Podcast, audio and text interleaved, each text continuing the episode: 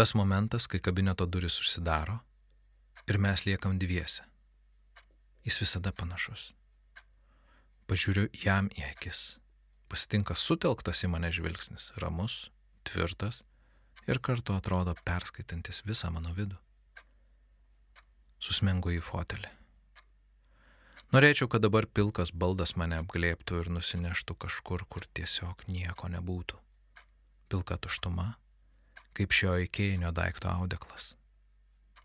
Mane juodai užkniso nerimas, persmelkęs visą mano gyvenimą. Jis visur, vairuojant, dirbant su šeima, čia, kiek dar galim atverti.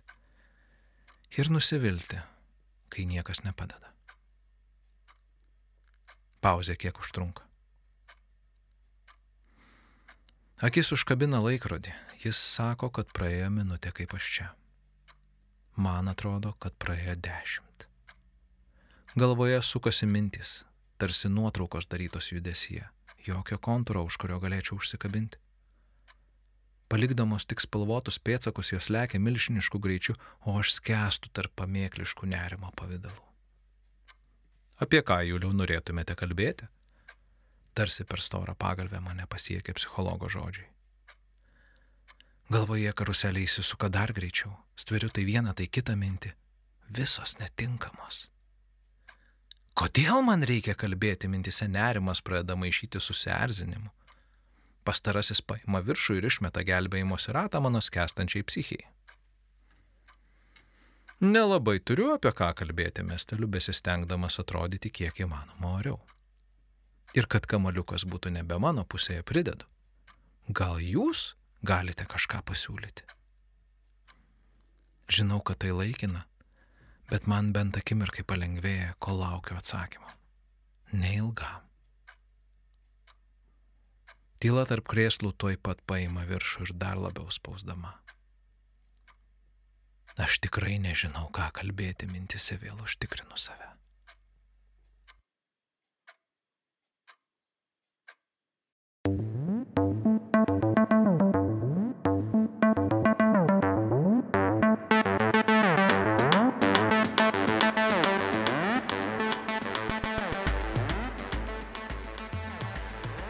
Sveiki, mano brangieji klausytojai, su jumis yra Julius iš Tilviko Lizdo ir jūs šiandien esate podkaste apie nežinojimą, ką kalbėti jūsų terapijoje ar psichologiniai konsultacijai. Ir, na, iš tikrųjų būna taip, kad ateiname ir turime pilną galvą minčių ir jausmų, kuriuos norime palikti pas kolegą, psichologą ir, ir ką tada daryti jeigu nu, nesikalba mum. Nes, nu, kartais aišku būna, kad, kad iš tikrųjų ta galva yra tuščia ir, ir, ir kaip podinė ir ten ką ir be pasakysi, tai tik tai atsikartoja tie žodžiai, bet dažniausiai yra priešingai. Ir šiandien aš norėjau į tai ir pažvelgti į tą fenomeną, kada mes neturime ką kalbėti terapijoje, kokios yra priežastys ir kaip su visu tuo, um, na, kovoti. Ir okei, okay, gal kovoti čia yra netinkamas žodis, na tiesiog kaip tvarkytis, nes vėlgi, čia yra mes, mūsų asmenybė, mūsų terapija ir kamgi čia mums su mumis pačiais kovoti. Kovoti reikia su priešais, o dar geriau jų tiesiog neturėti ir gyventi taikiai. Tai um, kokiegi tie yra tipiniai atvejai, kada, na, yra apie ką kalbėti. Na, tai yra apie ką kalbėti, tai tada, kai mes turime daug emocinio turinio, kurį tiesiog galime imti ir pilti ir išleisti terapijoje. Ir tiesiog tada tikrai mes, mūsų net neina kartais ir sustabdyti, kartais mes net savo patys pauzės negalim paimti ir sustoti, o ir, ir čia ir tas buvo, ir tas darėsi, ir šitai buvo, ir aš tą jaučiau, ir tas, ir tas, ir tas blogas, o tas geras, o aš čia va toks ir toks. Tai yra, na, vad būtent daug, daug, daug visko iš mūsų vidaus, kas išeina. Neretai tai būna per įvairias tokias ir katartinės būsenas ir, žodžiu, kada mes turim daug emocijų. Kitas atvejis, kada mes turime apie ką kalbėti, tai yra, kada mūsų gyvenime kažkas įvyko. Mm, buvo kažkoks įvykis, jis įvyko ir mums tai yra svarbu ir mes tada daliname su psichoterapeutu, kaipgi čia dabar tas mano gyvenimas sukasi, kaip jis pasisuko į vieną, į kitą pusę, ką, kas buvo, ką aš jaučiau ir kas ten darėsi ir, ir, ir, ir kaip, ar tai buvo taip, kaip aš tikėjausi, galbūt yra kažkaip tai kitaip ir, žodžiu, stiprus įvykiai, kurie įvyksta, na, kurie mūsų yra išprovokuoti arba šiaip tiesiog įvyksta mūsų gyvenime, na, jie irgi sukuria terpę mums kalbėti apie, apie dalykus. Arba gali būti priešingai. Mes tikėjomės, kad kažkas įvyks ir tai neįvyko, tai mums kelia emocijas ir mes apie jas kalbam ir kalbam apie tai, kaip tas įvykis įvyko ar neįvyko. Na, tada galim prieiti prie dar kito punkto, tai yra namų darbai, kuriuos mes pasiemam į psichoterapiją, na, psichoterapijai darome arba, arba, arba priklausomai nuo, aišku, nuo, nuo psichoterapinės mokyklos, bet a, kai kurie turi namų darbus, kai kurie ne, kai kurie stipriai rekomenduoja, kai kurie iš viso jų nedaro. Bet jeigu yra kažkokie tai namų darbai, tai mes apie juos irgi turim ką pakalbėti. Jeigu jie yra padaryti, dažniausiai tai vad jo tiesiog, sakykime, taip atsiskaitom. Kalbėdamas apie namų darbus, aišku, aš prisimenu mokyklą, kuri mm, nedžiugino manęs visiškai. Ir man, aišku, atsiskaitimas už namų darbus buvo pff, labai labai nemalonus. Ir dėl to gal ir dabar kalbėdamas aš tokį jaučiu tokį, o, tokį truputį pris, prisimenu tos mokyklos laikus. Bet vis dėlto savo psichoterapinius namų darbus aš neretai darydavau visai maloniai, nes man būdavo visai ir įdomu ypač tai, kas ten susiję, tarkim, su kažkokiu rašymu ir, ir, ir kažkokiu tai tokiu. Na, ilgainiui aš supratau psichoterapijoje, kad namų darbų darimas man arba nedarimas tai yra tiesiog informacija apie tai, kas mano gyvenime vyksta ir kaip vyksta. Ir todėl, jo, aš beveilėjau juos daryti, nes vėlgi, nu tai yra mano terapija, aš už ją moku, aš skiriu tam laiką ir koks tikslas tada būtų sutikti daryti namų darbus ir tada jų nedaryti. Bet m, mm, vėlgi nepadaryti namų darbai irgi kažką sako. Apie mus, apie tai, kaip mes uh, matom visą tą, kai yra galbūt kažkokie tai svarbus procesai, kurie mums trukdo tuos namų darbus padaryti, vidiniai galbūt procesai. Ir tada irgi mm, yra erdvės kalbėti apie, apie nepadarytus namų darbus. Na, bent jau galima pasiteisinti. E, žiūrėk, mano brangus psichologė, tai žinai, aš nedariau namų darbų, nes buvo tas, tas, tas, o po to aš dariau tą, o po to šitas ir dar tada konferencija ir tada man reikėjo ten nežinau, daryti pranešimą ir skalbti, ir po to namus tvarkyti, ir po to dar trūko vamzdis, nu ir, žodžiu, nusileido marsiečiai mano kieme, ir reikėjo jam piragą iškepti. Visa krūva yra pasiteisinimų ir paaiškinimų, kaip aš čia nedariau namų darbų ir galima šnekėti apie tai visą sesiją. Ir yra žmonių, kurie taip daro, ir um, aišku, pamatysim, kad yra ir kitų atvejų.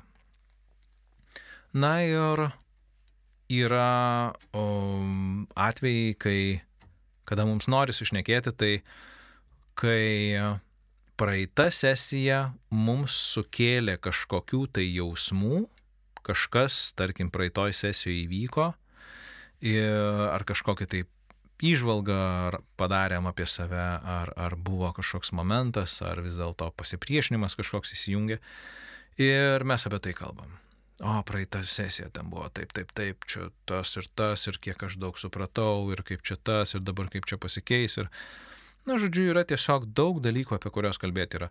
Ir apskritai kalbant, psichoterapija yra, na, taip, mes, pagalvokit, mūsų galvoj nuolat krepžda daugybė minčių. Mes nuolat kažką jaučiam ir apie visą tai galima kalbėti. Ir kai mes kalbam, Na, dažnai galima savo pasakyti taip tokia, jo, aš kalbu terapijoje, tai reiškia, kad, na, terapija einasi blogai. Gerai, atsiprašau, gerai, neblogai. Kartais būna aišku, kad mūsų kalbėjimas perdėtas terapijoje gali reikšti, kad vis dėlto nėra viskas taip jau ir gerai. Kad mūsų kalbėjimas gali slėpti kažką tai, ką mes, jo, taip nuvinguriuoti nuo svarbių temų arba paslėpti kažkokius jausmus ir pažiūrėkim žmonės ir gyvenime yra tokie, kurie taip elgesi, kada jie pradeda nerimauti, jie pradeda kalbėti, jie pradeda šmaikštauti ir e, tada tu staiga supranti, kad, ė, žiūrėk, tai čia akivaizdžiai yra kažkas slepiama už to. Ir jeigu už to yra kažkas slepiama, nu, tai akivaizdu, kad ten pakrapšius mes galime kažką atrasti. Bet šiandien, šiandien mes visgi kalbam į truputėlį tokią kitą kryptim - apie nekalbėjimą. Tai yra apie tylą psichoterapijoje ir um, gal ne tiek apie tylos pauzes, kurios pasidaro, nes kartais iš tikrųjų tos pauzės yra visai geros ir reikalingos, bet apie tai, kai ateini į psichoterapiją ir nėra apie ką kalbėti. Ir panagrinėkim, kodėl tai būna. Pradžiai aš suminėsiu tiesiog, na, tokius kaip sąrašą, kur sudėliotos priežastis, kodėl, ir mes po to pasigilinsim į tas priežastis atskirai į kiekvieną. Ir pats pirmas dalykas, kodėl dažniausiai nesinori kalbėti terapijoje arba neturim ką kalbėti, tai yra saugumas. Mes saugiai nesijausdami terapijoje negalime iki galo atsiverti ir iš tikrųjų atrodo, kad, na, neturime apie ką kalbėti. Galime jausti beviltiškumą, na, kad ir ką mes bedarytume, niekas nesikeičia. Ir tas beviltiškumas iššaukia tokį galvojimą, okei, okay, kad ir ką aš darysiu, čia niekas nesikeis ir, ir, ir koks tikslas čia man, kad tada kalbėti. Ir aišku, kyla tada pasipriešinimas. Gali būti, kad yra baisu, gėda, liūdna, dar kažkokie tai jausmai siejasi su temomis, mm, kurios yra iš tikrųjų aktualios ir prie kurių, na, nesinori liestis tarsi.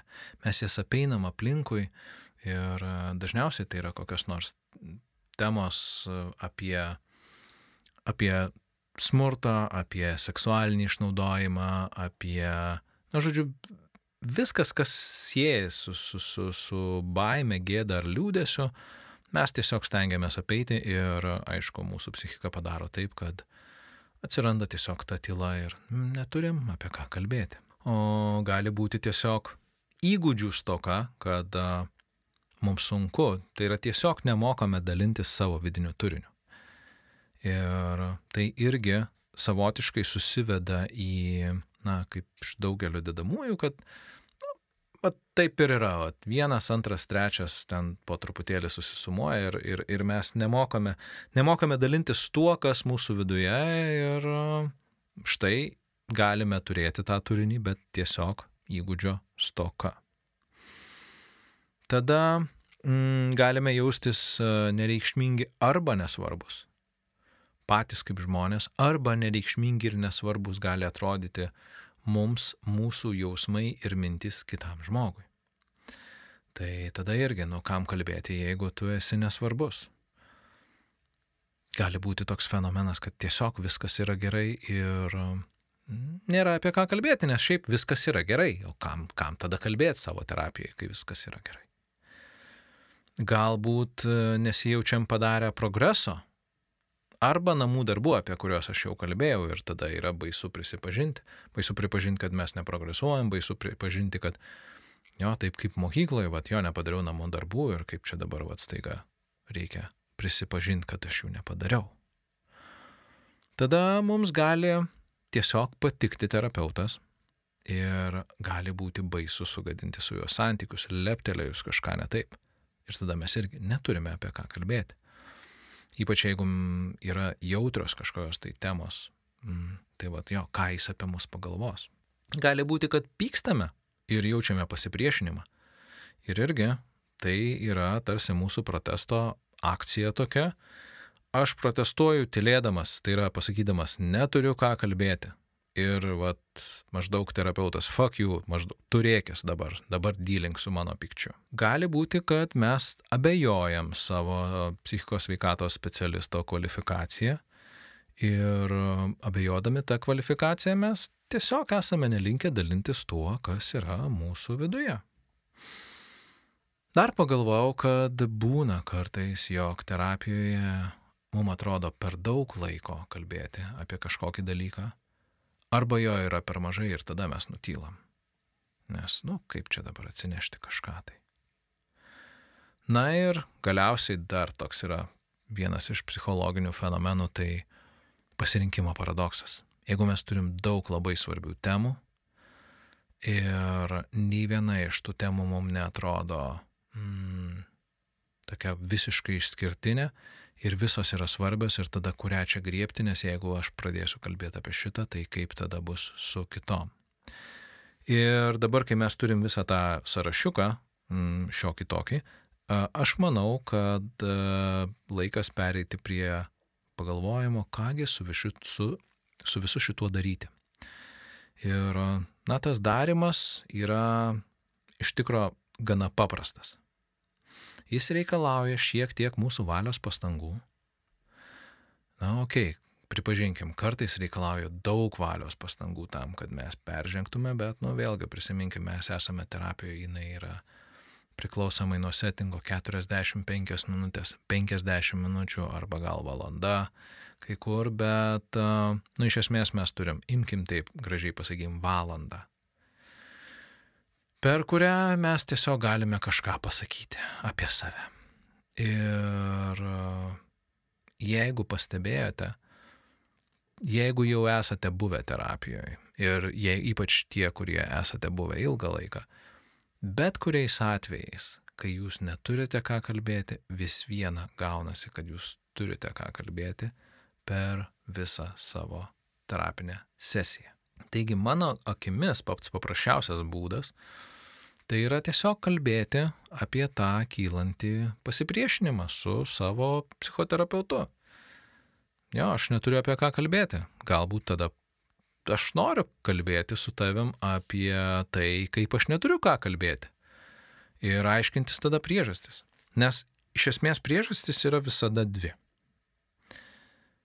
Arba yra vidinė priežastis, tai yra mūsų vidinės kažkokios nuostatos, arba yra iš tikrųjų kažkokia išorinė priežastis, kuri mus trigerina ir na, ją pašalinus tarsi viskas turėtų susitvarkyti. Tai vidinės priežastys reikalauja pokyčių mūsų viduje pačių ir aišku dažniausiai didesnių pastangų. Išorinės reikalauja kažkaip tai išorinius dalykus pakeisti. Ir na, kartais jos gali nuo, nuo mūsų priklausyti, kartais ne. Tarkim, tokia viena iš tokių priežasčių tai yra, jeigu pavyzdžiui yra, na tarkim, prastesnė garso izolacija. Ir va girdisi, kaip kažkas ten už durų arba vaikšto, arba jeigu yra koks nors, tarkime, mm, kabinetai kažkokie gretimi ir kitam kabinete vyksta sesija ir, pavyzdžiui, kas nors labai garsiai kalba, iš tikrųjų, nu taip atrodo, kad ne, nu aš nenoriu dalintis, kai čia tokios sienos tarsi sausim.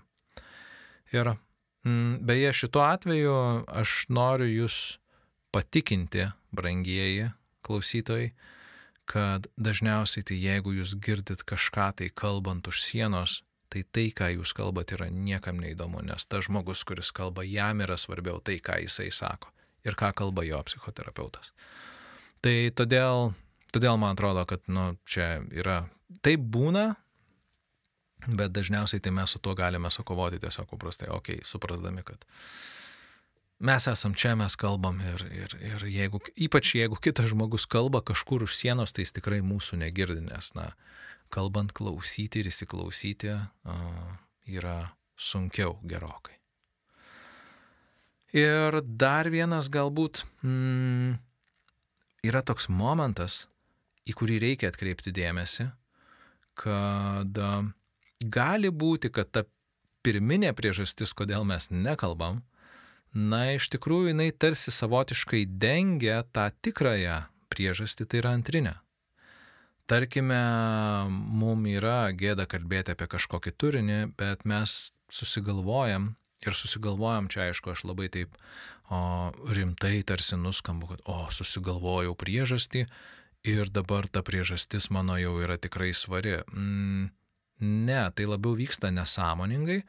Mūsų psichika sukuria priežastis, dėl kurių kurias, kurios tarsi yra tokios labai svarios, svarbios ir, ir geros, o, vien tik tai tam, kad apsaugotų mūsų tą trapų, nesaugų tuo metu vidinį aš nuo tos va tikrosios priežasties, kad nu jeigu aš kalbėsiu kažką tai labai labai tarkim, man kelianti baimę, tai aš tada bijosiu, mano, mano tas tikrasis aš vidinis, jisai ten bus kaip vaikas susigūžęs pasimetęs, tai psichika daro, okei, okay, Juliau, tai kad taip nebūtų, tai davai mes čia kažkokius sugalvojam priežasčių, kad tarkime, tau trukdo va čia kažkieno kalbėjimas ar ten, nežinau, mm, statybos triukšmo garsas už, sie, už, už lango ir tau tiesiog neina susikoncentruoti. Nors iš tikrųjų ta tikroji priežastis yra va ten giliai ta baime. Ir dar klausimas gali būti, kad, na, tas pasipriešinimas, kaip jisai, ar jisai buvo nuolat, ar tas, tas va, nežinojimas, ką kalbėti, ar jisai buvo nuolat, ar jisai išsivystė vykstant psichoterapijai, tai yra jo tos psichoterapijos eigoje kaip tas pokytis atsirado. Ir, nu, vėlgi tai gali signalizuoti, kad a, jeigu tai vyksta psichoterapijos eigoje, tai gali sąlygoti, kad, na, buvo kažkokie įvykiai jūsų gyvenime, kurie ir įtakoja tą jūsų nenorą kalbėti. Nes jeigu iš pat pradžių buvo, nu tai aišku, kad kažkoks tai galbūt jūsų, nežinau, vidinis settingas, a, psichoterapijos settingas, apskritai kažkokios yra priežastys, kurios nuo pat pradžių veikia. Vėlgi antrojo atveju reikia žiūrėti, kasgi tada pasikeitė. Na ir dabar pasižiūrėkime į tuos atvejus atskirai. Pradėkime nuo nesaugumo. Tai jeigu mes nesijaučiame saugiai psichoterapijoje, mm, iš tikrųjų verta pagalvoti, kasgi konkrečiai mus verčia nesaugiai jaustis. Koks tas jausmas yra, ar tai yra baime, ar tai yra gėda, ar tai yra, ar tai yra kažkokia tai kaltė, ar dar. Ir uh, gali būti, kad, na, galbūt terapeutas e, mums primena kažką, kažkokį žmogų, kuris yra ten galbūt iš praeities ir, ir arba tikrai ta aplinka netinkama, kaip aš sakau, nu tos kartoninės sienos, kur, kur girdisi. Galbūt yra kažkas, ką mums a, mūsų psichologas ar psichoterapeutas siūlo daryti, kas yra iš tikrųjų netinkama arba nepriimtina. Tai Na šitoj, šitoj vietoje jau aišku, čia yra vėliavėlė. Jeigu mums siūlo psichoterapeutas daryti kažką, kas mums yra nepriimtina, pirmas dalykas, tai aišku, reikia kalbėti su tuo apie tai su psichoterapeutu ir išsiaiškinti, kas čia vyksta. Mm, ir aišku, galima tada tiesiog, na, pabandyti pasieškoti, ar tai yra normalu, nes vėlgi, kad ir kokia būtų terapija, o visos intervencijos yra daromos tik tai su o, kliento sutikimu ir um, turi būti susitarta ir žinoma, kas, kas bus, kaip bus ir ką mes darysim ir koks yra to tikslas. Ir um, vėlgi, čia ga, būna atveju tikrai, aš žinau, ypač iš tarkim, ten užsienio praktikos esu nekartą girdėjęs, kad taip, na, psichoterapeutai išnaudoja savo klientus vienokiem ar kitokiem tikslam. Ir būtent tam, kad savo iškreiptą psichiką pa, pa, kažkaip tai patenkinti ir, ir verčia juos jaustis ne, nemaloniai ir nejaukiai, iš to gaudami pasitenkinimą ir aišku, jau nekalbu apie tokius atvejus kaip, kaip mm, fizinis kontaktas artimas ar, ar lytinis kontaktas, čia jau out of the way. Tiesiog tai yra viskas, viskas, kas ten į tą pusę krypsta, yra blogai. Ir um, tai vad, bet kokiu atveju, jeigu yra, tai, nu, tai yra, tai yra didelė raudona vėliava ar lempa, nežinau kaip jūs pavadinsi, bet ok. Tai, tai aišku jau, kad čia yra blogai. Bet aš labiau grįžtu atgal vėlgi, padaręs šitą tokią uh, pastabą, aš grįžtu prie, prie tiesiog įprastų dalykų, kad, na, tas nesaugumas iš tikro gali būti visai ir normalus, nes įsivaizduokime ypač pradžioje psichoterapijos. Jūs ateinat pas žmogų, kurio jūs visiškai nepažįstat ir jūs nuo pat pradžių pradedate kalbėti apie intimiausius jūsų gyvenime dalykus. Aš turiu omeny intimiausius jūsų sielai, jūsų širdžiai jūsų patirtis, su kuriuom, kurių jūs nepasakojat niekam, net geriausiam draugam. tai yra labai labai toks, na, drasus žingsnis ir, ir iš tikrųjų pačioje pradžioje galima jaustis labai nesaugiai ir tai yra visiškai normalu. Mm, ir galima apie tai kalbėtis vėlgi su psichoterapeutu, e, apie tą pasipriešinimą ir žiūrėti, kur tai nuveda. Bet tas nesaugumo jausmas, jisai šiaip tai pačioj pradžioj terapijos galbūt normalu yra, kad jis yra ir laikui bėgant, na, jisai turėtų išnykti. Ir jeigu jis atsirado, tai žiūrėti reikia priežastis, kasgi čia vyksta. Kitas atvejis, kada mes tą jaučiam pasipriešinimą ir neturime apie ką kalbėti, tai yra beviltiškumas. Beviltiškumas, kad niekas, kad ir ką mes darytume, atrodo nesikeičia Nu niekas. Ir um, čia yra keletas galbūt dalykų.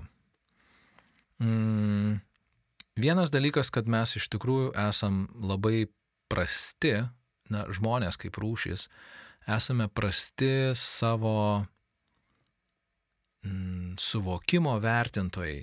Nu, tarkime, tarkime, yra klientas, kuris ateina su nerimu. Jis nerimauja, mes pasimatuojam jo nerimą, nu ir tarkim jo nerimas yra ten kokie 7 iš 10. Ir mes dirbam, dirbam, dirbam praėjo pusę metų. Jisai sako, ne, niekas čia nesikeičia. Ir tada mes pasimatuojam nerimą ir jo nerimas yra 3 iš 10. Jam atrodo, kad jis visą laiką taip ir nerimavo. Tas nerimas jo yra toks pats stiprus visą laiką, bet realiai, realybėje tai pasikeitė. Ir aišku, na, tai padeda šiek tiek tarsi sugražinti mus, jeigu mes esam psichoterapijoje į tam tikrą vietą, kur suprastume, kad vis dėlto yra tas progresas, tik mums jisai gali iškreiptai atrodyti. Ir tada tas beviltiškumas kaip ir susitvarko. Ir aišku, kitas dalykas, kad tai gali būti ir priežastis, dėl ko jūs ir esate terapijoje. Dėl to beviltiškumo kad jūs išspręstumėt savo beviltiškumą ir tada jeigu niekas nesisprendžia, nu, tai reiškia, kad jūs esate tinkamoje vietoje, kur kažkas tai gali pagaliau kažkada tai pasikeisti. Vėlgi, aišku, jeigu jūs esate psichoterapijoje dešimtį metų ir niekas nesikeičia, turbūt, kad, nu, normalu būtų jaustis beviltiškai. Ir tada iš tikrųjų pagalvoti, kiek yra efektyvi ta terapija ir galbūt ieškoti kažkokių kitų sprendimų. Mm. Ir aišku, vėlgi tada galbūt bandyti ieškoti kažkokio vilties, optimizmo ir, ir žiūrėti į priekį. Ir aišku, čia apie tą viltį optimizmą kalbėdamas aš pagalvoju iš karto, taip, yra galbūt atskira kategorija žmonių, kurie, na, kuriem jo vilties ir optimizmo yra labai sunku įkvėpti ir tai žmonės, kurie serga, pavyzdžiui, mirtinom lygom. Ir visas jų gyvenimas yra, nu taip jau aišku maždaug, kas ten vyks. Bet čia yra atskiri atvejai, kurie, na, atskiriem atvejim reikalingas atskiras visiškai prieimas ir mes labiau nagrinėjom čia didžiąją daugumą atvejų, kurie vyksta psichoterapijoje. Na ir tokiu atveju tiesiog reikia dirbti, suprantant, kad gyvenimas yra na, visoks. Jis yra ir geras, ir, ir nelabai geras, ir kartais labai blogas, ir kartais labai geras. Ir aišku, tame visokume yra ne vien tik tai tamsa ir niurumas. Ir jeigu mes renkamės matyti ne vien tik tai tamsą ir niurumą ir beviltiškumą, tai gal tada kažkas tai ir pradeda keistis. Na ir tada gal ir tas pasipriešinimas sumažėja. Ir kalbant apie tą beviltiškumą, aš norėjau irgi truputį dar nukrypti šoną, pakalbėdamas, ką daryti man, kad aš nesijaučiu visiškai beviltiškai.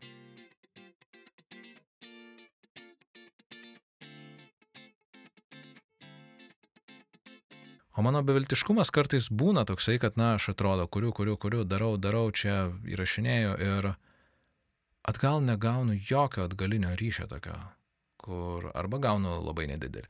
Bet jeigu aš gaunu atgalinį ryšį iš jūsų brangus klausytojai, tai yra super. Ir geriausias būdas atgalinį ryšį man duoti, tai yra tiesiog man pastatyti kavos, arba gal ir didesnės kavos, arba tiesiog tapti kokiu nors Tilviko lizdo klubo nariu. Tai aš kalbu apie Patreon. Patreon valdo Ir jeigu jums nesinori būti patrono arba, pavyzdžiui, norisi tiesiog duoti, duoti vieną eurą už ten kažkokį tai vieną patikusią epizodą, tai dabar yra, galite tą padaryti per PayPal.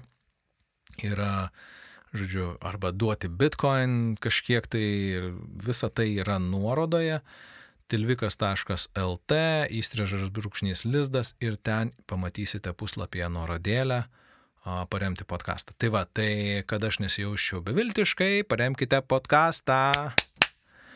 Aišku, būtinai, jeigu patiko, paspauskit like, pasidalinkit, užsiprenumeruokit per Apple podcast, Google Play o, ir taip pat galit naudoti Brave Browser arba Brave Tokens. Aš irgi puikiai tą akceptuoju.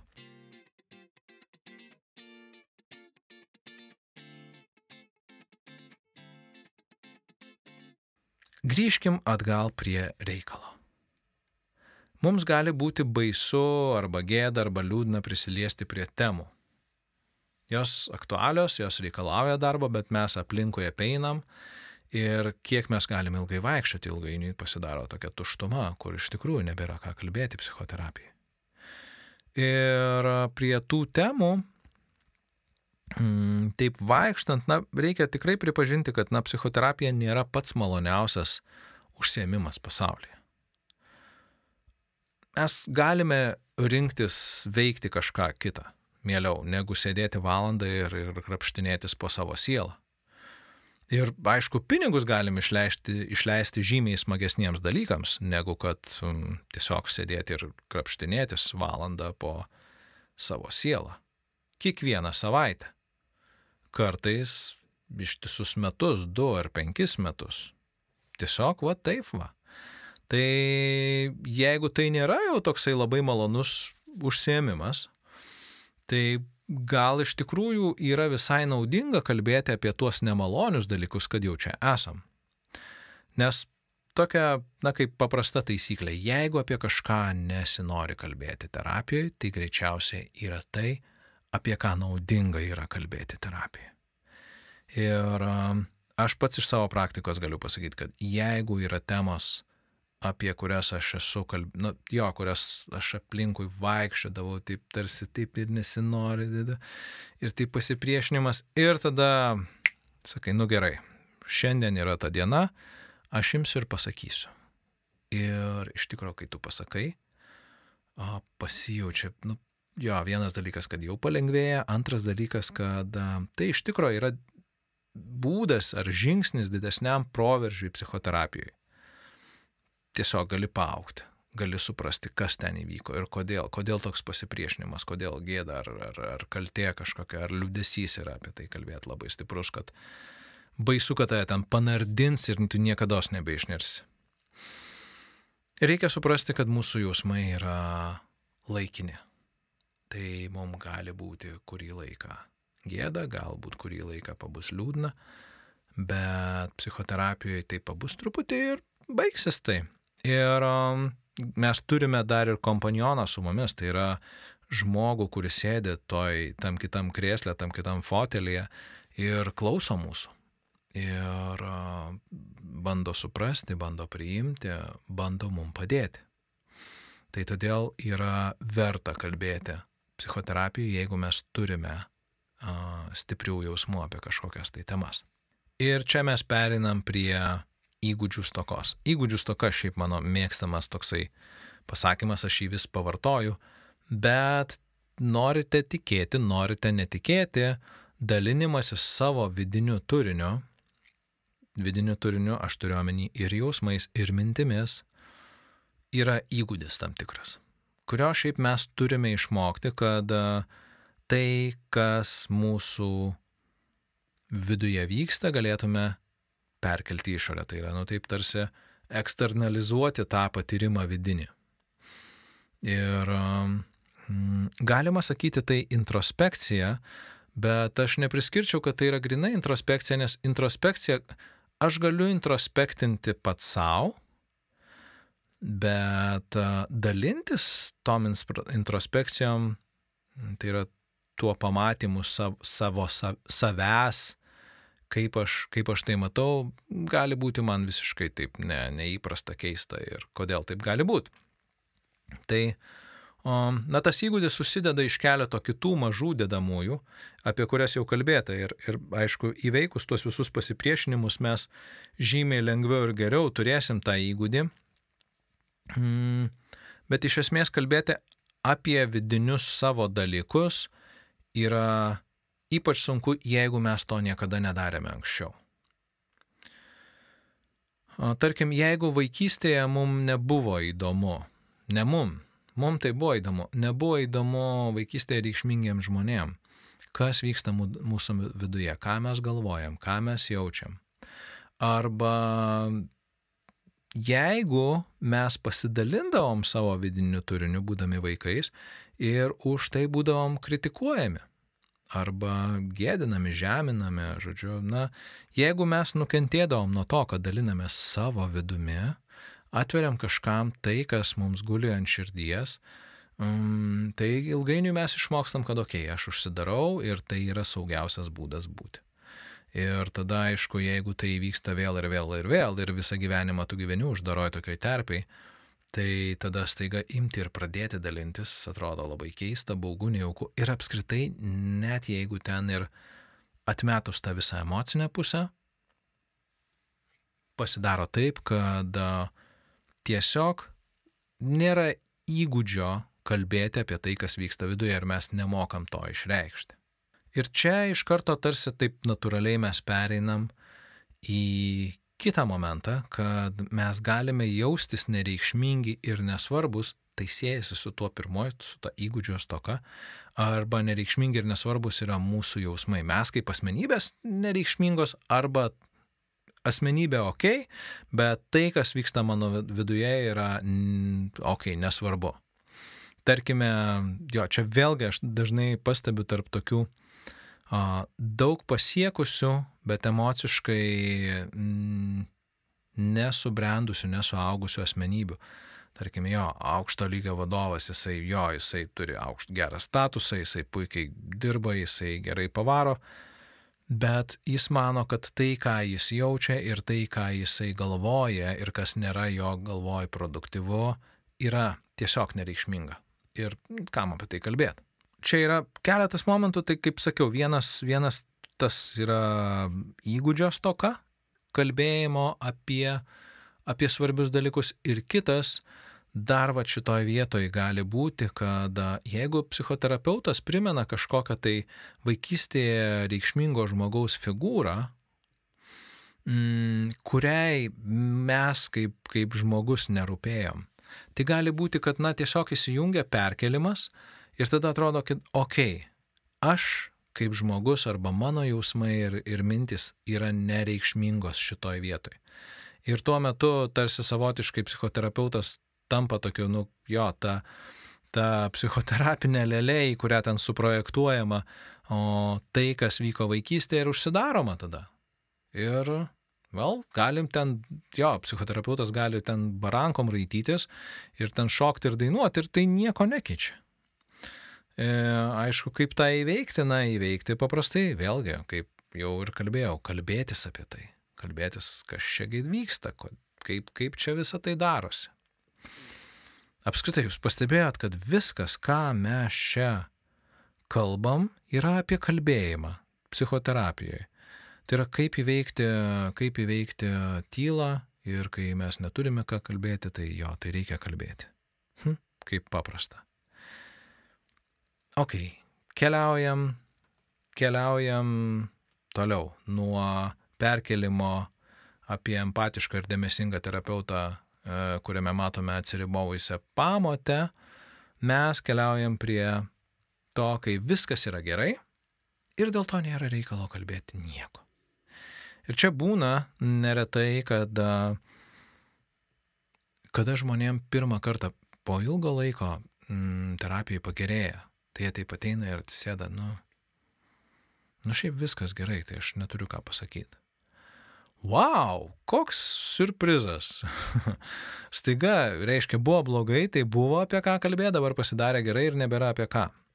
Ir galbūt čia šiokia tokia, na, toks nesupratimas, kad visgi kalbėjimo terapija, kalbėjimo psichoterapija yra apie apskritai kalbėjimą visokį. Ir apie blogus dalykus, ir apie gerus dalykus, kurie mums nutinka. Ir apie pasidalinimą tom gerom emocijom, kurios būna. Ir apie pasiekimus. Ir apie tai, ką mes padarėm, ar, ar, ar kas įvyko. Ir kaip tai vyko. Ir kaip tai įtakoja mūsų vidinį pasaulį. Ir ką mes dabar apie tai galvojam. Ir kokius tai pokyčius galbūt gali mumise sukelti, ar jau sukėlė na, yra didžiulės, nežinau, temos, kurias galima vystyti per kelias sesijas, apie tai, kaip mums vis dėlto dabar jau pradėjo sektis ir vėl jau įvyko kažkas tai gero. Tai va, čia tiesiog aš manau, kad labai labai paprasta. Kalbam apie tai, kad, nu, kas mus džiugina. Tai ir neretai tai būna, kad, na, žmogus sako, nu, žinai, na, man šiaip tai viskas gerai, tai kam apie tai kalbėti. Ir, nu, normalu, tada mes galim tiesiog jį pačiupti toje vietoje ir sakyti, hei, žiūrėk, tai čia tavo terapija, tu nusipelnai ir ne tik tai raudų visokių ir, ir, ir skausmą, bet ir džiaugsmą šitoje vietoje. Ir būdami savo psichoterapijoje turime suprasti, kad mes negyvename didvirių gyvenimo, kur kiekvieną dieną padarome po žygdarbį, ar esam Sokratai, kas savaitę atrasdami po gyvenimą keičiančią įžvalgą. Yra mūsų pergalės, jos gali būti labai nedidelės ir mes tiesiog jomis pasidalinam.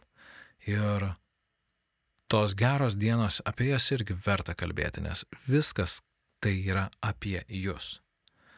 Aišku, primenu, kad svarbu suprasti, kad tai neturėtų būti dengimas to, apie ką mes vengiam kalbėti. Bet jūs tai jau žinot.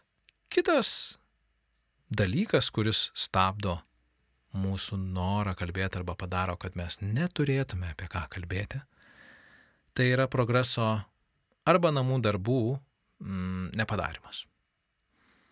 Ir yra žmonių, ypač perfekcionistų tarpe, kurie nepadaro jokio progreso per savaitę. Jie atėjo į terapiją, jie pabuvo e, keturias sesijas, tai yra vieną mėnesį galbūt, ir sako, hm, nu aš neturiu apie ką kalbėti. Kodėl? Nu, nieko pas mane nevyksta, jokio progreso, niekas nepasidaro geriau.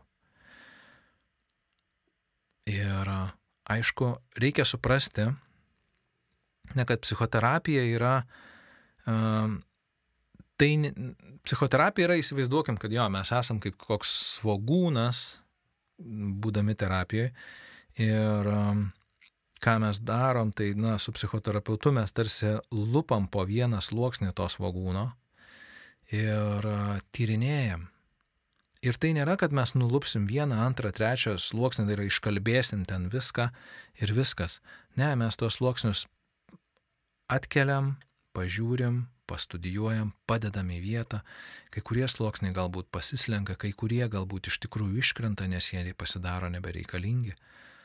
Ir Na, va, tai yra psichoterapija ir, ir todėl, todėl tas progresas, jisai yra iš tikrųjų toks, na, lėtas, sakykim, nes mes ilgą laiką gyvenom su tuo, nu, nežinau, žmonės ateina, sako, žiūrėk, aš tą problemą turiu 20 metų, jinai stiprėjo, stiprėjo, stiprėjo, aš daugiau nebegaliu tverti, noriu kažką daryti. Ir reiktų, na, tikrai būtų naivu tikėtis, kad, žinai, atėjai, mm, keturis kartus nuėjai į sesiją ir 20 metų kankinusi problema staiga išsisprendė dėl to, kad tau kažkas kažką pasakė. Yra galbūt kažkokios tai vietomis, er, kažkokia tai erdvė, kur mes galime tą išspręsti greičiau ir efektyviau, bet tikrai ne dėl to, kad jums kažkas kažką pasakė. Taigi tas progreso darimas, jis iš tikrųjų, prisiminkim dar pradžioj, kaip kalbėjom, kad, na, reikia, mes turime akivaizdžiai įvertinti tą savo progresą, tai vienas, kad mes turime pamatuoti. Ir kitas dalykas, kad, na, iš tikro, progreso nepadarimas tai dar nereiškia, kad terapija stovi vietoje. Ir jeigu ten, tarkime, buvo kažkokie namų darbai ir jie buvo nepadaryti, Na tai vėlgi, tai yra labai netgi, sakyčiau, ir terapiška kalbėti apie tai, tai kodėl, kokios yra priežastys, kad tie namų darbai neįvyko. jie galėjo vykti, jie turėjo tarsi vietos kažkur kažkaip tai ten pasidaryti, buvo sutarta, kad jie įvyks ir jie nevyko. Tai kas tada, ką, apie ką tai yra? Ir jo, tai gerai, tai kalbėkime apie tai, kaip namų darbų nepadarėjai ir, ir va, kas ten vyko, kad tu jų nepadarėjai. Ir iš esmės mm, terapeutas nėra mokytojas, kuriam tu turi atnešti gražiai parašytą kažkokį tai rašinėlį, ar ten, nežinau, kažkokią tai išanalizuotą apysaką, ar išspręstą krūvą uždavinių, ar perskaitytų knygų atsiskaityti. Ne, psichoterapeutas yra labiau žmogus, kuris domisi visų tavo pasauliu ir tiek gerais tavo dalykais, tiek negerais dalykais. Ir, ir tie negeri dalykai yra, vėlgi, čia žmonės yra linkę vertinti viską per, per tokią prizmę gerai, negerai. Ir um, uh, sakydamas gerais ar negerais dalykais, aš irgi truputį tarsi įkrentu į tą rolę tokią sprendėją, bet, bet iš tikrųjų tai aš nemanau, kad uh, psichoterapija yra geri ar negeri dalykai. Psichoterapijoje yra tiesiog dalykai, ir jie kažką mum sako. Ir mes tiesiog žiūrim, kasgi, ką jie sako. Ar jie naudingi mum, ar nenaudingi, ir kaip jie veikia, ir ką jie daro. Tai todėl namų darbų nepadarimas ir nekalbėjimas mm, neturėtų būti priežastis, kodėl turėtų įsivyrauti ta tyla tarp psichoterapinių krėslų.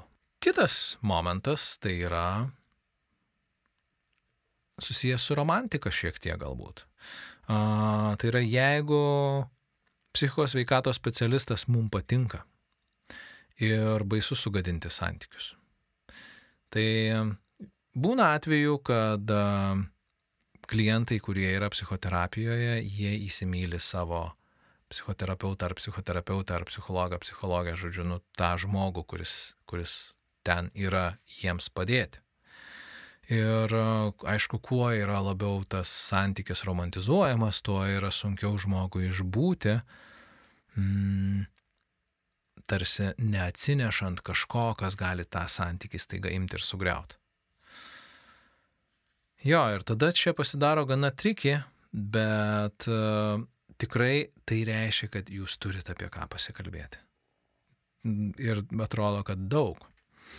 Nes jeigu jūs pradedat kalbėtis apie jūsų santyki, jeigu jūs kaip klientas pradedat kalbėti psichologui ar psichoterapeutui apie tai, kas jūsų viduje darosi, kad galbūt yra kažkoks tai vis dėlto, kad jūs jaučiat trauką jam kaip žmogui ir, ir, ir kad jo jums tarsi uh, norėtųsi jo būti ne sesijoje, o gal ten kažkur tai kartu ten gerti kavą ar, ar kažką tai dar veikti.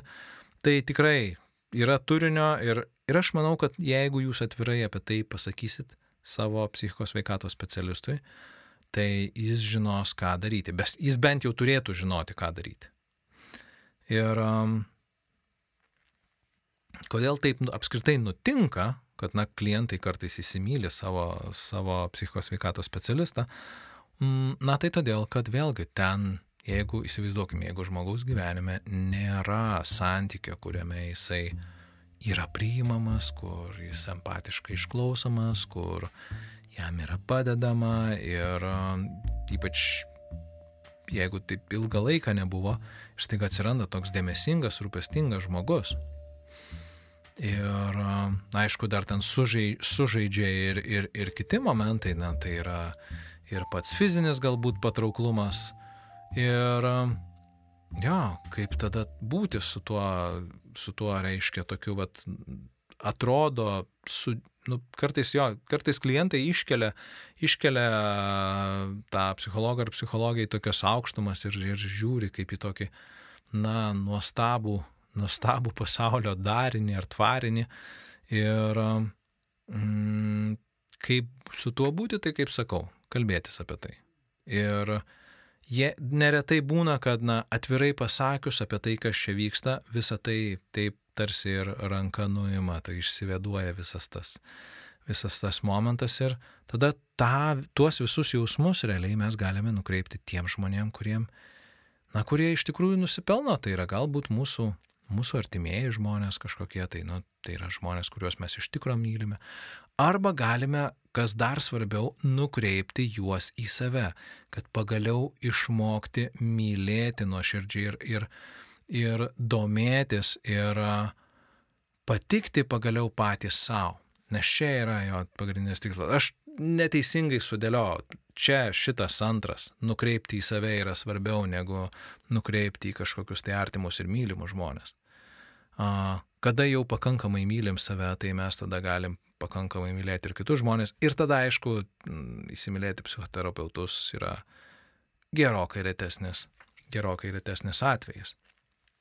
Arba tiesiog gali būti, kad, na, tas žmogus jo, jis mums yra autoritetas ir, ir mums, tarkim, baisu su juo kalbėtis atvirai apie tam tikrus dalykus, nes, nu, va, jo, ką jis dabar apie mane pagalvos. O, aš galiu atsakyti, greičiausiai nepagalvos nieko. Mm, na, arba pagalvos, kaip tai, ką jūs atsinešate į terapiją, yra reikšminga jūsų gyjimui. Žodžiu, tai Jo, kalbėti, kad nes, nekalbėti arba tylėti arba neturėti ką pasakyti. Jeigu mums patinka psichoterapeutas ar psichoterapeutė, no, kalbėkite apie tai, kalbėkite apie tą priežastį. Pagalvokit dabar kitą variantą. Jūs ant ko nors supykstate ir tada nesikalbat jau mes nuo vaikystės žinom, kad jeigu mes susipyks, susipykstam su draugais, tai nesikalbam su jais kurį laiką. Ir po to jau, kai susitaikom, tai mes vėl kalbamės. Vaikystė šiek tiek persikelia į psichoterapeuto kabinetą ir tada mes supykstame ir mes neturime ko kalbėti su savo psichologu vien todėl, kad kažkas įvyko, kas mums nepatinka ir mes tai parodom savo pasipriešinimą ir nepasitenkinimą. Ir tikrai ne viskas, ką psichologas pasako, gali dėrėti su jūsų pasaulyje žiūra, su vertybėmis ar įsitikinimais. Gali, gali netgi prieštarauti. Ir taip kartais būna tiesiog, nes, nu, vėlgi reikia turėti omeny, kad, na, psichikos sveikatos specialistai irgi yra žmonės. Mes turime terapinį santyki, bet jame yra žmogiškumo, nes kitaip nu, jisai tiesiog neveiktų.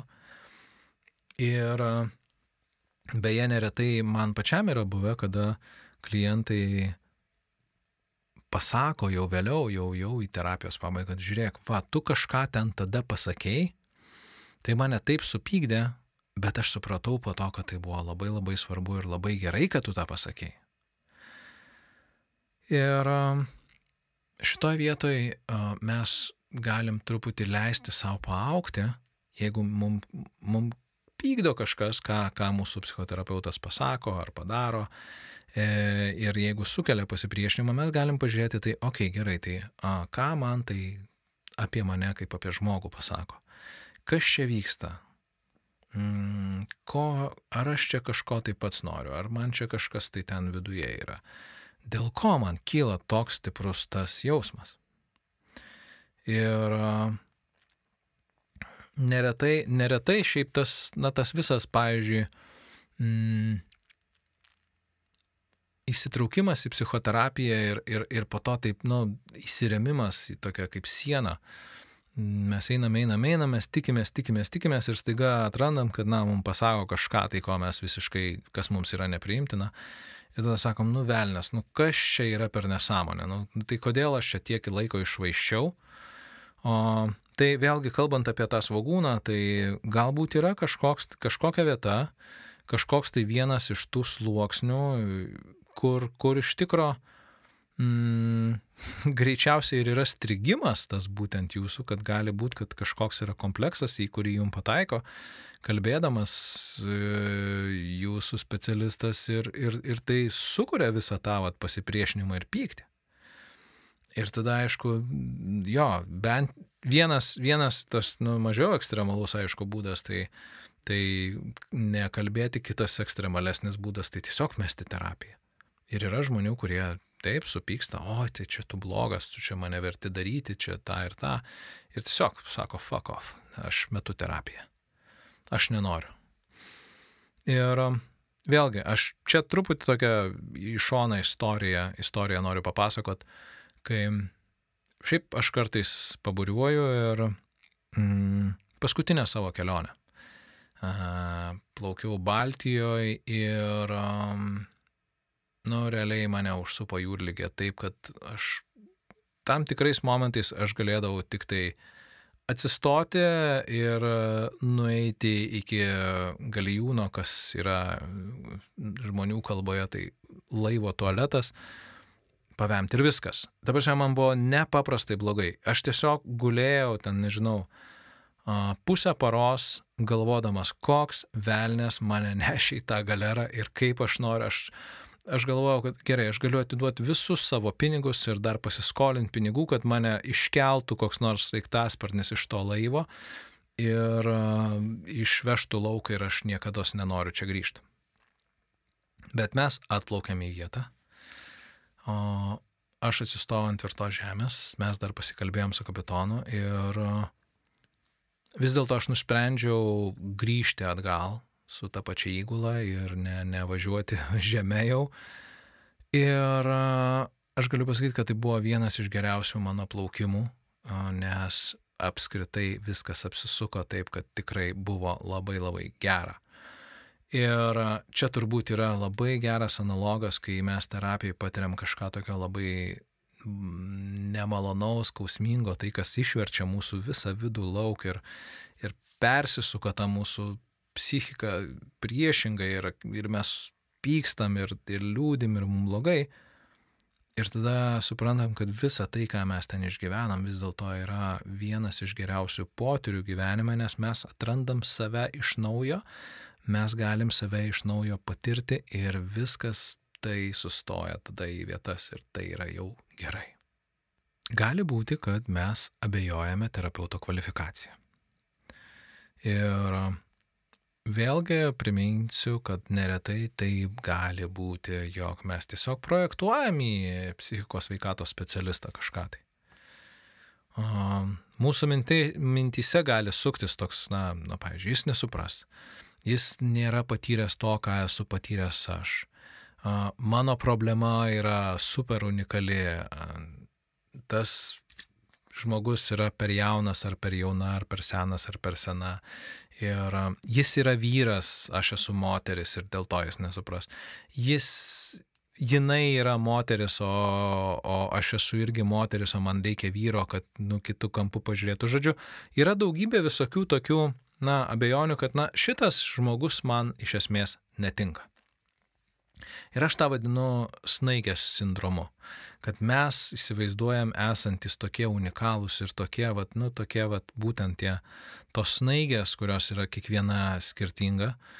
Mm, ir jeigu pažiūrėtume iš tikro, tai didžioji dalis problemų, su kuriuom susiduria, susiduria psichologai, yra iš esmės labai panašios, nes aplinkui yra kitų daugybė žmonių, kurie irgi susiduria su panašiom problemom ir jie irgi jas kažkaip bandosi spręsti. Ir eina pas tą patį psichologą ar psichoterapeutą ir ten sprendžiasi tas problemas. Ir būtent, kad, kad iš esmės ypač tai pasimato gerai e, kokioj nors, tarkim, grupiniai terapijai, kad ateina žmogus ir, ir, ir jisai, o, tai va čia aš turiu tokią, tokią problemą. Ir tada jisai staiga pradeda klausyti kitų grupės narių ir supranta, kad palau, bet tai ne aš vienas su tokia problema gyvenu. Ir kiti yra, ir dar tas, ir tas. Ir šitam buvo lygiai kaip man, ir jis jaučia tą patį, ir tada, na, suprantam, kad, nu jo, mes nebesam tos unikalios naigės ir viskas. Mes, mes tarsi iš vienos pusės tai gali palengvėti, nes, nes um, kažkas irgi susiduria su tom ir kažkas netgi kažkaip tai sprendžiasi tą. Iš kitos pusės, aišku, tas naikiškumas kartais, ypač narcistiniam asmenybėm, jeigu jie supranta, kad jie nėra tos ties naufleikai, tai jisai gali truputį kirsti per savivertę arba stipriai kirsti per savivertę, nes, o tai kaip, taigi aš čia toks unikalus, o čia pasirodo visi turi tą pačią problemą. Nu dėja, bet taip yra. Bet kalbant apie, kalbant, grįžtant atgal apie tą abejonę psichoterapeuto kvalifikaciją ir ar, ar apskritai, kad tinkamumu, tai būna atveju iš tikrųjų, kad na, psichos veikatos specialistai stokoja srities žinių ar kvalifikacijos. Ir čia turbūt lengviausias testas tai yra tiesiog pasidalinti tuo, kad, nu žiūrėk, man atrodo, kad gal čia šitoj vietoj. Kiek, kiek va tu žinai apie tai? Arba kiek tavo kvalifikacija ten toli lemia ir ar tu esi dirbęs su tokiais atvejais. Ir mm, Aš čia neseniai kažkur tai girdėjau, kad uh, sako, jeigu, jeigu tu turi pasakyti, kad tu esi dama, tai tu tikrai nesi dama. Tai čia lygiai taip pat, jeigu psichoterapeutas turi pasakyti, kad jisai o, turi kvalifikacijos pakankamai ir tą, ir tą, ir tą, ir tarsi pradeda gintis apie tai, apie tai kalbėdamas ir aiškinti, ne, ne, tu čia nesupranti, aš čia toks ir toks, tai greičiausiai, kad iš tikrųjų tos kvalifikacijos trūksta. Arba jis ją turi tokią, sakykime, popierinę, bet jis negali jos pritaikyti. Mm, nes jeigu trūksta kvalifikacijos, tai speci toks specialistas pasakys, žinai jo, iš tikrųjų, mm, tarkim, kokie nors ten nerimo sutrikimai nėra mano sritis. Mano, mano sritis yra išskirtinai valgymo sutrikimai ir su kokiu nors ten obsesiniu, kompulsiniu, va, prašom eiti, va štai aš turiu kolegą, kuris su tuo dirba, prašom ten. Tada, aišku, viskas su tuo yra ok, nes nu, mes tikrai negalime būti visų galų meistrai. Aš, yra mano sritis, mano sritis yra, va, tarkime, va, ta vaikystės trauma ir iš to visos išeinančios pasiekmes, bet, nu, tikrai aš negaliu pasakyti, kad aš esu ten koks nors superinis ten obsesinio kompulsinio sutrikimo gydytojas, ar aš ten, nežinau, nuostabiai kažkaip tvarkausi su seksualiniais sutrikimais. Nu, ne, tai nėra mano sritis. Yra tikrai geresnių žmonių už mane, kurie dirba tose sritise ir visas su tuo ok. Ir, ja, tai, žodžiu, jeigu jaučiatės, kad terapeutas turi gintis ar ginasi ir bando jums, su jumis ginčytis, kad ne, aš čia turiu. Nes, nu, jo, tai reiškia tokia iškyla raudona vėliavėlė, galbūt ar geltona vėliavėlė, kad, nu, gali būti, kad čia ne viskas ok. Ir čia vėlgi gali būti keli dalykai, kad gali būti, kaip sakiau, kad terapeutas nepasitikės, jis iš tikrųjų neturi tos kvalifikacijos, arba jis ją turi, bet nepasitikė savim ir tiesiog bando apsiginti. Nes um, jeigu jūs vis dėlto pataikėte tinkamą vietą ir tas specialistas turi tą kvalifikaciją ir uh, jūs kvestionuojate, tai, tai dažniausiai tai gausit klausimą, tai gerai. O tai, jo, kas, kas lemia tą jūsų nepasitikėjimą mano kvalifikaciją? O apie ką tai yra? Patyrinėkim tai. Ir tą tyrinėjant galima kažkur tai nueiti. Na ir jeigu jo, jeigu jau taip atsitiko, kad, kad uh, uh, ta vėliavėlė iškilo, mm, jūsų sprendimas yra ką daryti.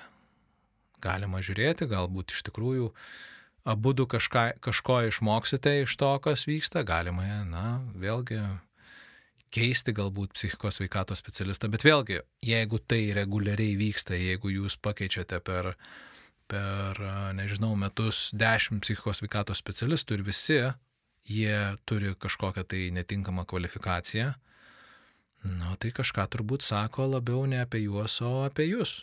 Čia lygiai kaip vėlgi mm, hipochondrikų abejojimas gydytojų kvalifikacija.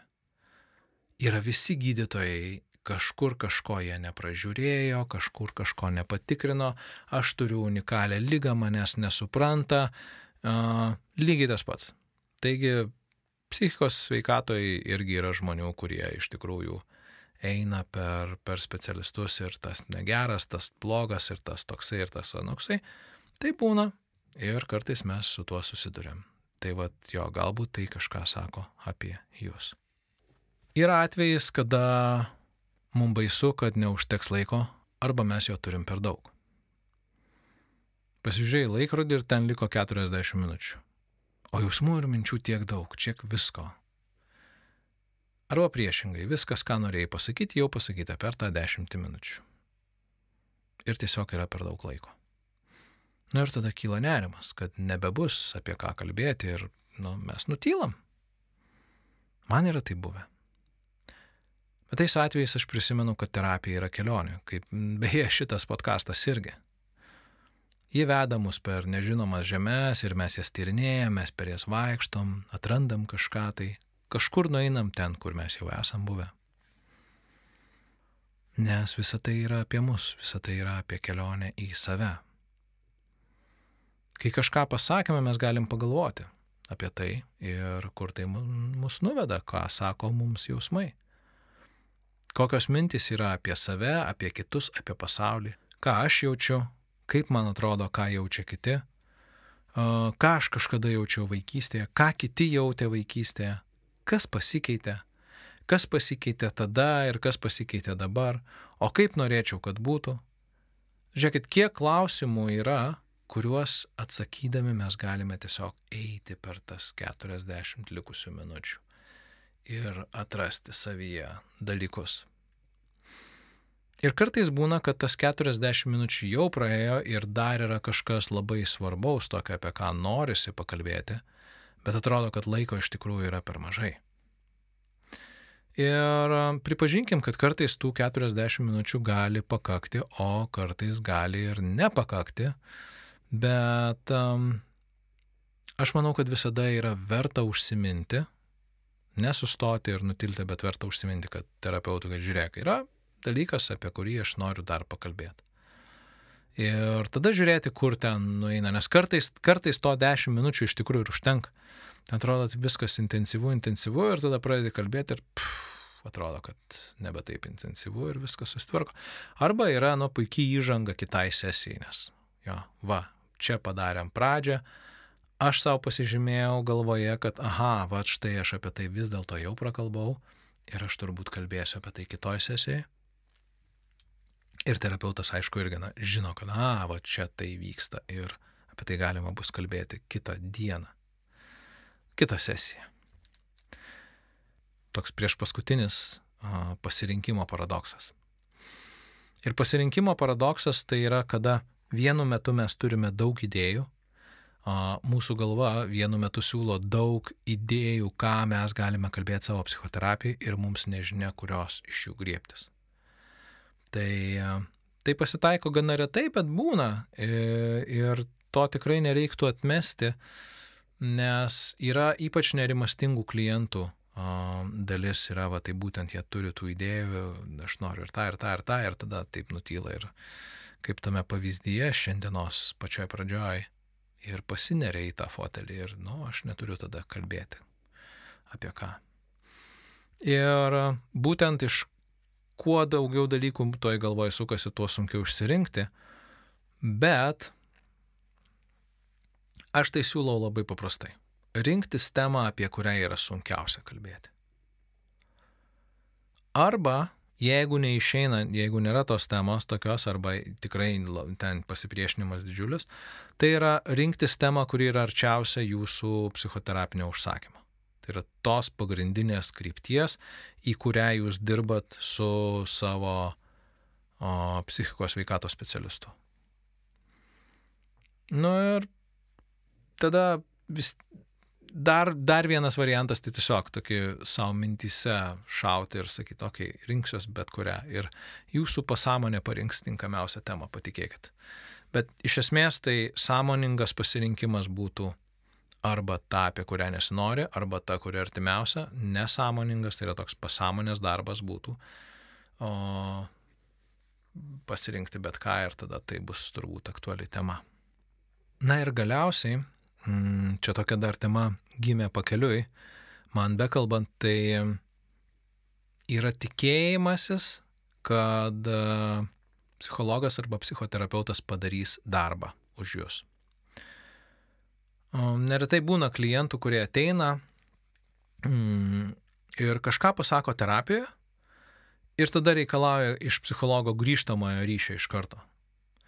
Um, tarsi taip numanydami, kad psichologas ar psichoterapeutas žino kažką e, apie tą problemą, žino jau iš karto paruoštas įžvalgas, jisai žino veiksmus, kuriuos reikia padaryti, kad ta problema išsispręstų ir iš esmės jisai yra kaip, nežinau, kaip atėjus pas gydytoją.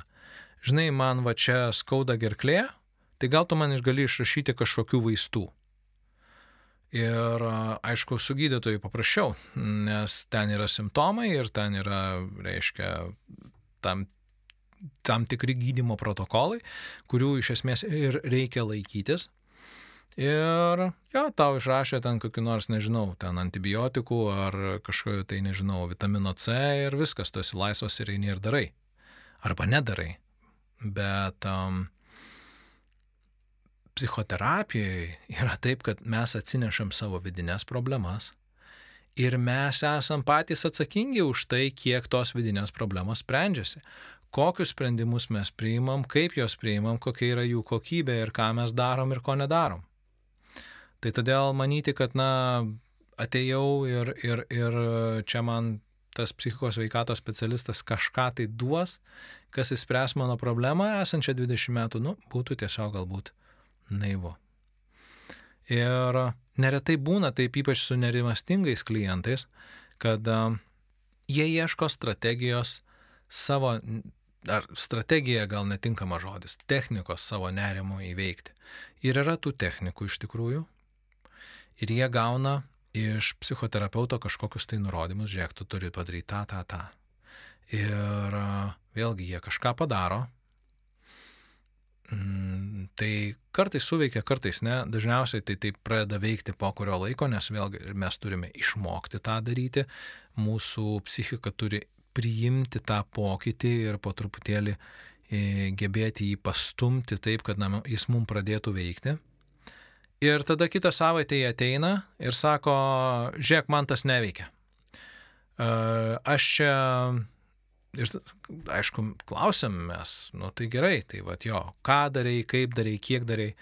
Nu tai, ne, aš nieko nedariau, nes aš supratau, kad man šitas neveiks. Ir daugybė yra priežasčių, kodėl šitas neveiks.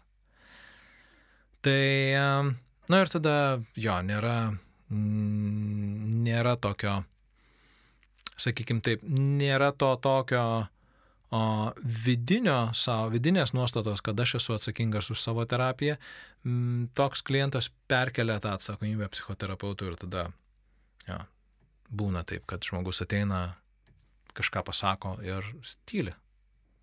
Mes tylim, dar tylim. Ir tada sako, tai klausykit, jūs pasakykit kažką, tai kaip čia yra, nu man ką man čia su tuo visų daryti, gal kokių išvalgų duokit.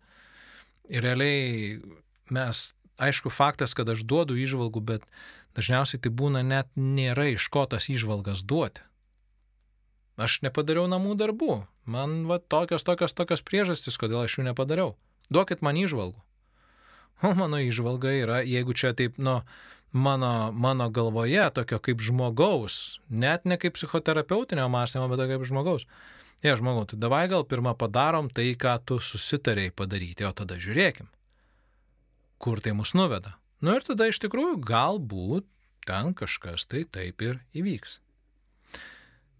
Ir dabar turbūt uždarant viską iki galo, va, tai, ką mes čia apkalbėjom, toks grįžimas prie pagrindinio klausimo. Ką daryti, kai nėra apie ką kalbėti psichoterapijoje? Tai mano atsakymas būtų toksai kalbėti, kaip nesinori kalbėti ir ieškoti priežasties kodėl. Kartu su psichoterapeutu smalsiai žiūrėti į save, į savo jausmus, mintis, kas ten vyksta, ar kas nevyksta galbūt, ir žinoti. Tikrai aš čia jau galiu pasakyti žinoti, kad atsakymas ateis.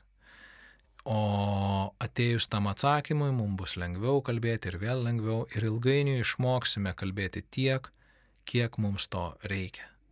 Nei per daug, nei per mažai, kad būtų mūsų terapija efektyvi ir mes ten gautume iš tikrųjų pačią geriausią naudą. Čia mes baigiam šitą dalį ir aš noriu tiesiog šitoj vietoj padėkoti Patreonam ir ačiū labai, kad jūs esat, kad jūs darot šitą podcastą gyvą, kad mm, remet, esat super. Aš dėkoju visiems klausytojams, super, jūs esate nuostabus. Aš dar vėlgi linkiu ir skatinu ir sakau, rašykit klausimus, siūlykit temas. Man yra labai fainai, kai jūs parašot kažką tai ir pasiūlot ir tai tikrai gulasi į tą temų krepšelį ir vienokiu ir kitokiu būdu tai ateityje apie tai galėsite, galėsite girdėti. Ir aišku, kaip ten visada sako, like, share, subscribe. O kitas epizodas bus apie vienatvės baimę.